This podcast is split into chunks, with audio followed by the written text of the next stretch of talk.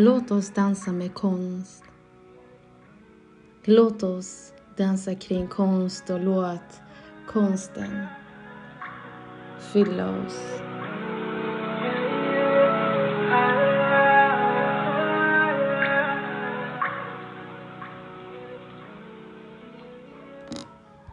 Assalamu alaikum wa rahmatullahi wa barakatuh. Hej och varmt välkomna till Se genom mina ögon, första avsnittet av podden. Och i det här avsnittet är tanken att jag ska presentera lite grann om mig själv, personen bakom podden. Men framför allt hur den här podden kom till liv när idén växte fram, dess resa och slutligen dess upplägg och lite information om hur man kan komma i kontakt med oss. Mitt namn är Khadra och jag är uppvuxen i Malmö. Och där har jag bott en stor del av mitt liv. Och i nuläget har jag flyttat till Dalarna. I grunden är jag poet. Som ung tjej tävlar jag i poesi. Jag har uppträtt i poesi sedan jag var ton, ja, men 10 år och när jag var 17 år så tävlade jag i poesi. I spoken word framför allt. Och den här den här passionen för skrivkonsten men framför allt scenen, allt som rör sig kring eh, poesin har funnits med mig sedan barnsben. Jag kommer från en familj där majoriteten av oss är konstnärer, kreatörer och olika sorters skapare, om man kan säga så. Mina föräldrar brukar skriva och tävla i poesi och när jag var som barn så vaggade de mig tillsammans genom ja, men, att recitera olika dikter, framförallt krigsdikter och dikter om misär och det de har gått igenom. Men det var så vackert formulerat att jag funderar inte så mycket kring innebörden. Och man brukar ju säga, jag är ju från Somalia också, man brukar ju säga att möter du på fem somalier så är minst en av dem en poet. För att poesin är så integrerat i vårt samhälle. Och även en av de främsta redskapen, och verktygen, för oss att föra fram vår historia och vårt arv, speciellt med den bakgrunden vi kommer ifrån och den, och med det landet som inte har varit så stabilt så länge. Ja, och eh, efter tio år, tio plus år av att stå på scen så tröttnade jag och då valde jag att befinna mig lite grann bakom kulisserna och skriva för mig själv och framförallt djupdyka i litteraturen. Och litteraturen är något som även har följt mig sedan barnsben. Jag minns hur jag som ung tjej brukade ja, men, bokstavligen kampa i bibliotek och bara läsa bok efter bok efter bok till den punkten att jag ja, men blev vän med bibliotekarierna och det, det blev nästan konstigt om jag inte dök upp en dag. Och jag tror, att jag, jag, jag tror till och med att jag någon gång vann pris för ja, men den personen som lånade mest böcker. Och det här var ett bibliotek i Malmö som hette Kiseberg när jag bodde när jag bodde där. Och det var, jag menar, alltså, böcker har verkligen hållit mig i sällskap. Och jag minns när jag gick i fyran så läste jag ut Harry Potter-böckerna och medan mina vänner var ute och ja, men, lekte i gården så satt jag med ansiktet in i boken bokstavligen i typ så här i vad heter det, korridoren. Brukar gömma mig där för man fick inte, man fick inte vara inomhus på rösterna. Och den här, det här intresset byggdes genom tiden. Men jag har aldrig haft chansen till att utforska intresset förrän efter studenten och jag tog paus från att men, turnera och, och uppträda med poesi. Och alhamdulillah, det här intresset väckte till att jag inshallah snart kommer debutera med min diktsamling som heter Nafta. Och kort om Nafta, Nafta är en bok, som, eller en diktsamling som berör ämnen som exil, identitet och det utforskar ett land och ett hem som oftast byter skepnad. Jag brukar ibland skoja och säga men Nafta det är typ en kärleksdikt till mitt moderland. Ett kärleksdikt jag inte har, chans, har haft chansen till att uttrycka eftersom jag är född i Sverige och behärskar det svenska språket mer än vad jag behärskar mitt eget modersmål. Och det, ja, ja, men gud, jag kan ju prata hur länge som helst om själva boken och det, det är så ibland när man befinner sig just i processen så är det massa tanke, tankebanor som sker. Men skulle det vara så att man är nyfiken på den här boken och vill följa processen så har jag faktiskt en blogg och den heter precis som podden Säger jag nu mina ögonblicken. Och där brukar jag ja, uppdatera ganska regelbundet om skrivprocessen och allt relaterande med med själva skrivandet och dess konst. Så nu när jag har marknadsfört mig själv ordentligt tänker jag att vi kan gå över till den här podden och hur den föddes till. Helt ärligt, den här podden växte ur frustration. Den växte ur brist på representation. Och jag minns hur jag som ung tjej, när jag gick i sjuan, älskade att sätta på öronsnäckan och bara lyssna på olika podcast. Men jag fann aldrig en podcast där jag kunde identifiera mig med berättelserna. Oftast var det sån här, men, eh, vad heter det, skvaller, skvallerpodcast där man pratar om olika kändisar och vad de har gjort och vad de har hållit hus med. Jag, men jag hade, jag hade ett längtan efter att lyssna på någonting som skulle gynna mig, men som jag även kunde relatera till. Och just i den åldern, man har så många frågor om sin identitet, vart man är på väg, vad livet handlar om. Och jag, fick, jag kände aldrig att jag fick den men vägledning, men också det utrymmet att utforska. Och jag minns när jag satt eh, någon gång med min kompis, jag hade en vän som, som hade samma bakgrund som mig, som upplevde samma frustration som mig. Och vi brukar alltid men, prata om denna frustration. Och jag minns någon gång jag bara tänkte, men vet du vad, låt oss starta vår egen podcast. Vi, vi, var, vi var 14. Jag tror jag knappt hade en mobil faktiskt. Men jag var så, alltså här, jag ville verkligen men jag hade inte verktygen så att den idén la jag på sidan för det kändes nästan omöjligt. Och sen när jag började på gymnasiet så började det här intresset växa fram igen. Och då hade jag en annan konversation med en vän till mig och då sa hon, vet du vad, jag lyssnar på den här tjejen och hon har startat en podd bara genom sin mobil och du behöver ingen utrustning och hon, hon spelar in genom den här appen och så skickar hon appen till mig. Och så subhanallah, vad är det?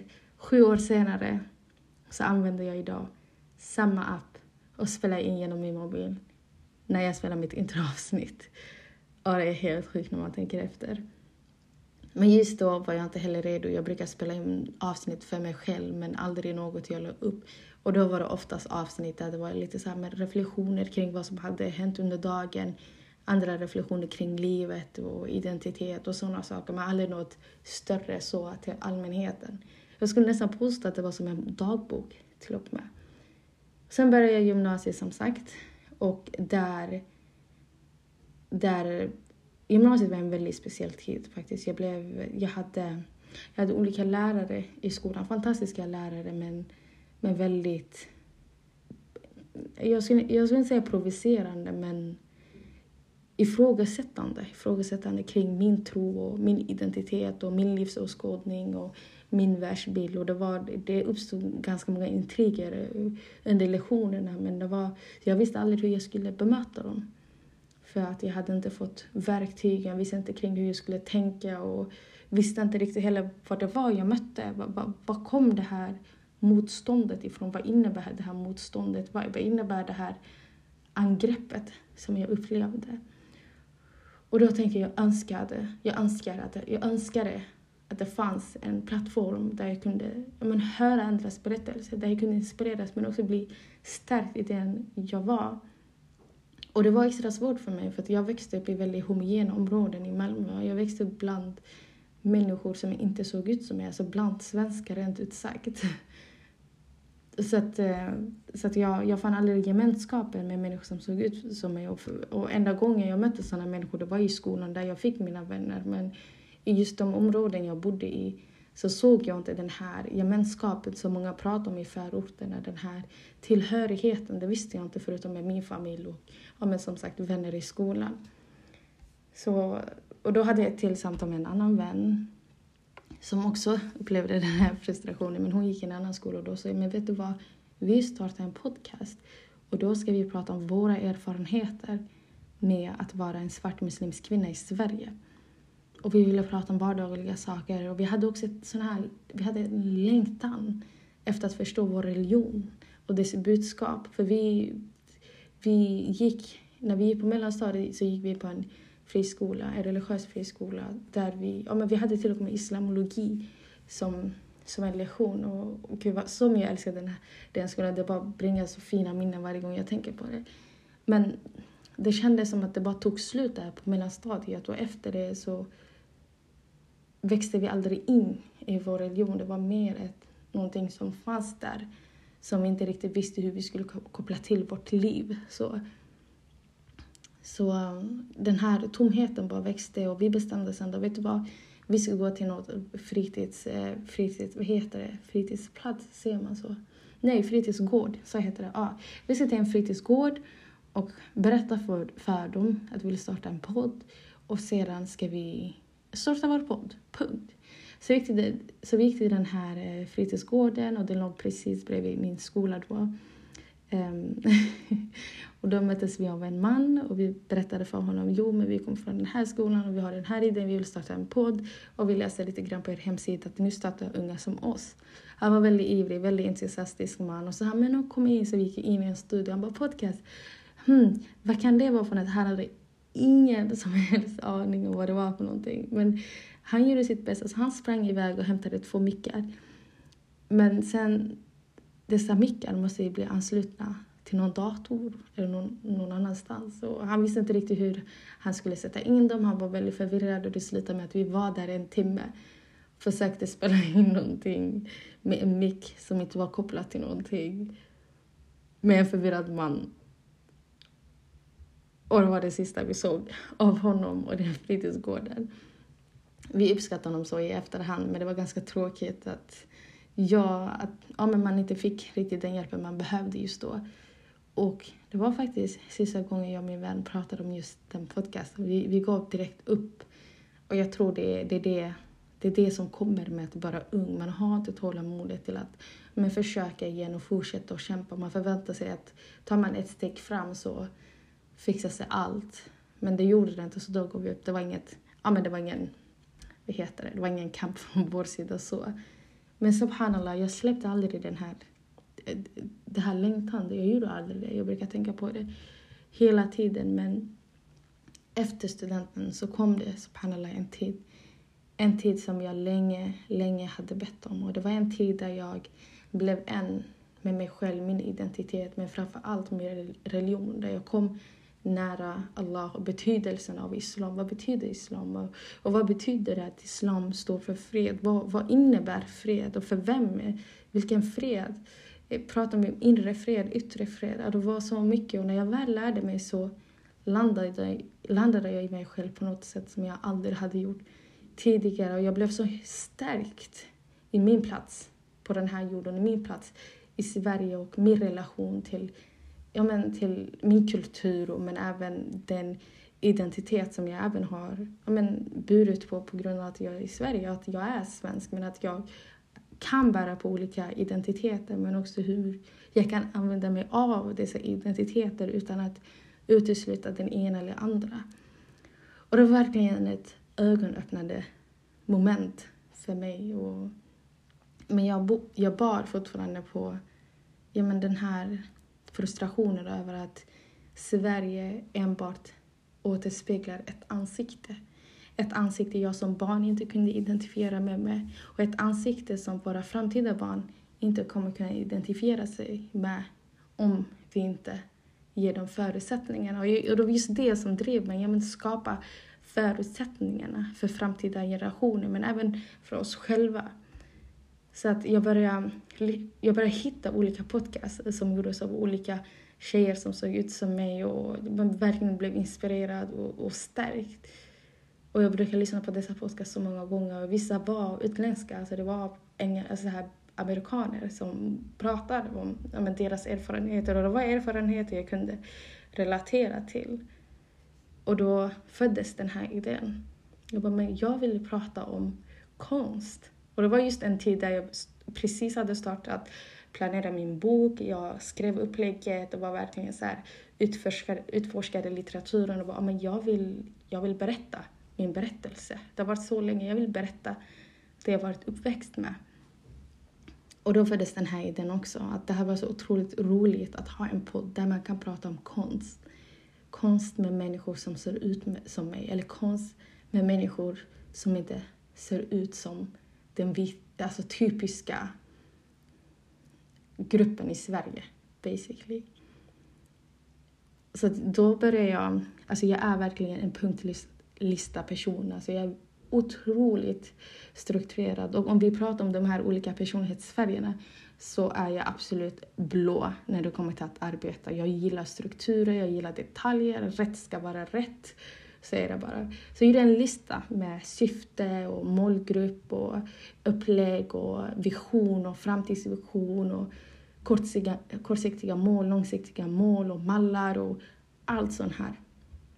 Och jag var så nöjd och det kändes så bra så det slutade med att jag började skicka ut förfrågningar till olika företag som, inte riktigt företag men olika aktörer som skulle ja, men, ge någon slant för människor som vill podda så att de kan, så att de kan få ja, men, stöden för att kunna starta för det kostar ju ganska mycket med utrustning. Ehm, men men jag kom aldrig vidare i processen och det gav mig ännu ett eh, till skillnad från mitt unga jag så fick jag ja, men, en glöda till att fortsätta och fortsätta kämpa. Och det kom till en punkt där jag bara, you know what, I'm gonna start this by myself. Och det var så den här podcasten kom till. Och jag skrev det här konceptet två år tidigare, två år sedan. Men under de två åren så var jag fortfarande ganska osäker i ja, men osäker, ja, men det är så, så osäkra som vi alltid blir osäkra på att, att det brister, osäker till att det inte håller måttet, osäker i att ja, men folk inte kommer tycka om det, osäker i att jag kommer tappa intresset. Men sen kom jag fram till, men sen lyssnade jag på ett, um, en podcast av Islampodden och då pratade de om khair, när, när man vill göra gott för allas skull, när man vill göra gott för samhället, när man vill inspirera till gott.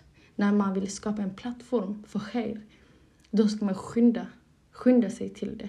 Och då var det någon av killarna som sa att man ska be att Allah gör en, gör en till nyckel till khair, sa han. Och det här ordet, nyckel till khair, den, det satt med mig alltså ganska så länge. Jag tror att jag skrev ner det. Just när jag lyssnade på det här podden, det kändes som att det, så alltså, det var till mig. Oj, ursäkta. Ja, men det kändes som att det var till mig. Och, och allting bara skiftade liksom hela mitt perspektiv bara skiftade. Och då kom jag fram till grund, grundsyftet. Vad är det jag vill få ut av den här podden? Jo, jag vill kunna skapa plattform för människor som ser ut som mig. Jag vill stärka oss. Jag vill motivera oss. Jag vill inspirera oss.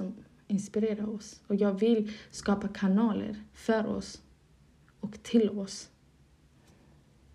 Och jag vill även vara en nyckel till er. Jag vill göra gott.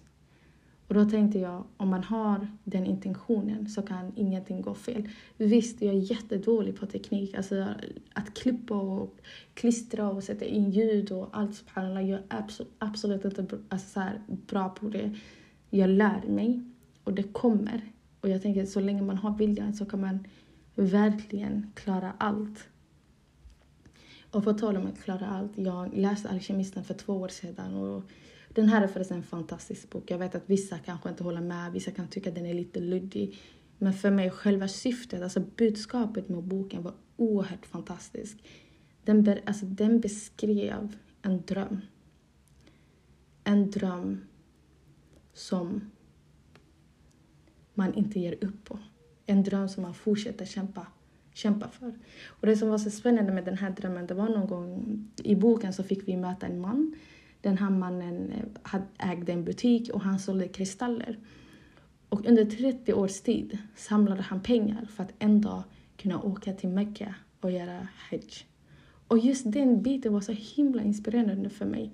Hur, hur man, hur man ja, man sätter små frö varje dag för att man vet resultatet någon dag kommer att vara värt det. Att han samlade på pengar 30 år för att kunna åka till Hajj. Subhanallah, alltså jag, jag har jättesvårt att tro att någon av oss är så dedikerad i vårt vardagliga liv.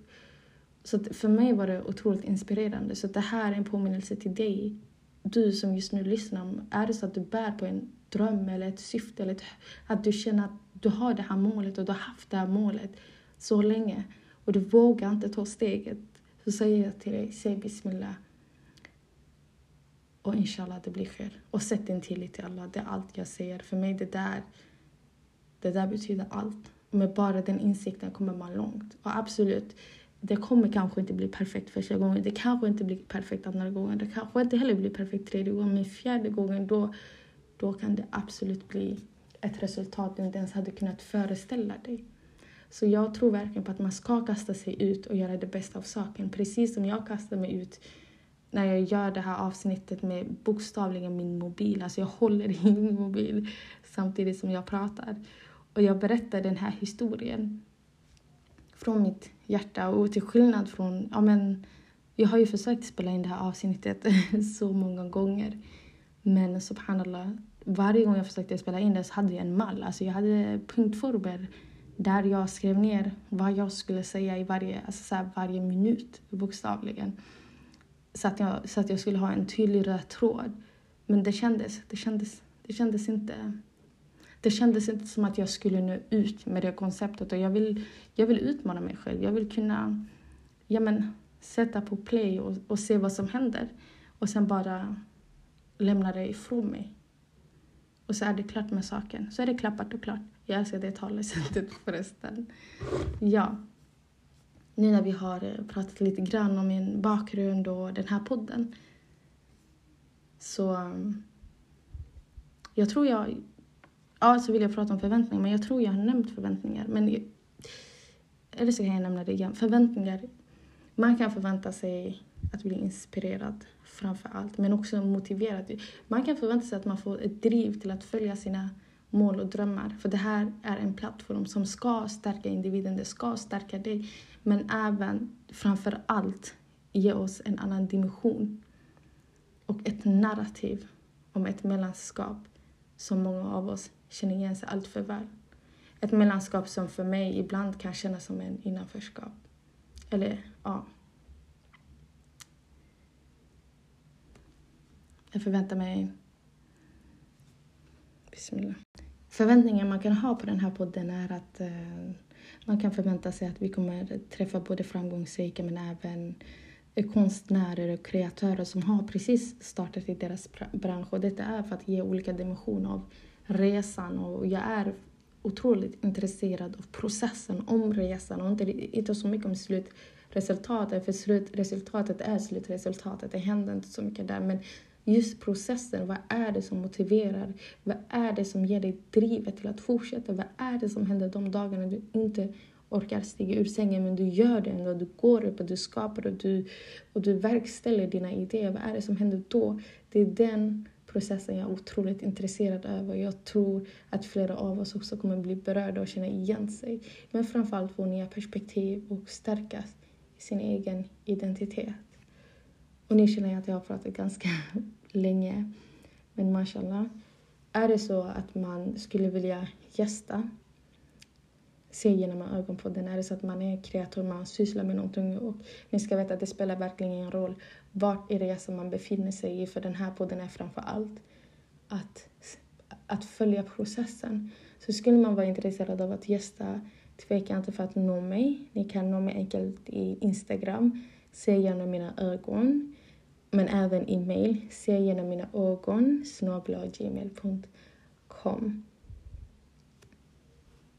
Och är det så att man känner någon som skulle passa bra för den här podden och dess eh, koncept så inshallah var inte för blyga för att skicka, skicka ut en förfrågan och jag kommer göra mitt bästa för att kunna bemöta det. Ni kan även hitta oss enkelt i våra sociala plattformar. Och är det så att man har tiden och orken och energin till att få mer feedback så är det verkligen något eh, jag skulle uppskatta. Och detta kan man göra genom att skicka in en skriftlig feedback men även genom ett röstmeddelande. Men ni ska veta att eh, det här röstmeddelandet är något jag kommer kunna ta med i mitt eh, kommande avsnitt så att man är lite medveten kring det. Och inshallah hörni, det verkar som att vi har nått eh, första avsnittet slut. Och är det så att du har hunnit lyssna så här långt, Jazakallah khair, må Allah belöna dig. Och inshallah, låt oss verkligen starta den här resan och se vad Allah har planerat för oss. Ha nu en fantastisk fortsatt dag. Ta hand om er. Assalamu alaikum wa rahmatullahi wa barakatuh.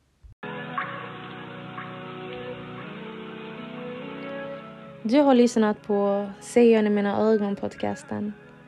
Podcasten där samtalen dansar kring konst och ger inblick i den inre resan.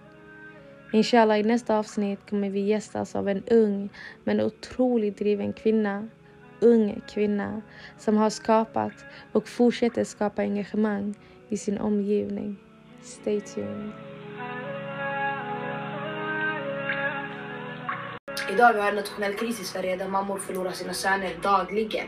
Alltså de här mammorna kom till Sverige, de flydde ett krig från Somalia, de kom hit. För att sen förlora söner och begrava dem, det är inte, det är inte en alltså, hållbar livs, alltså, levnadssätt.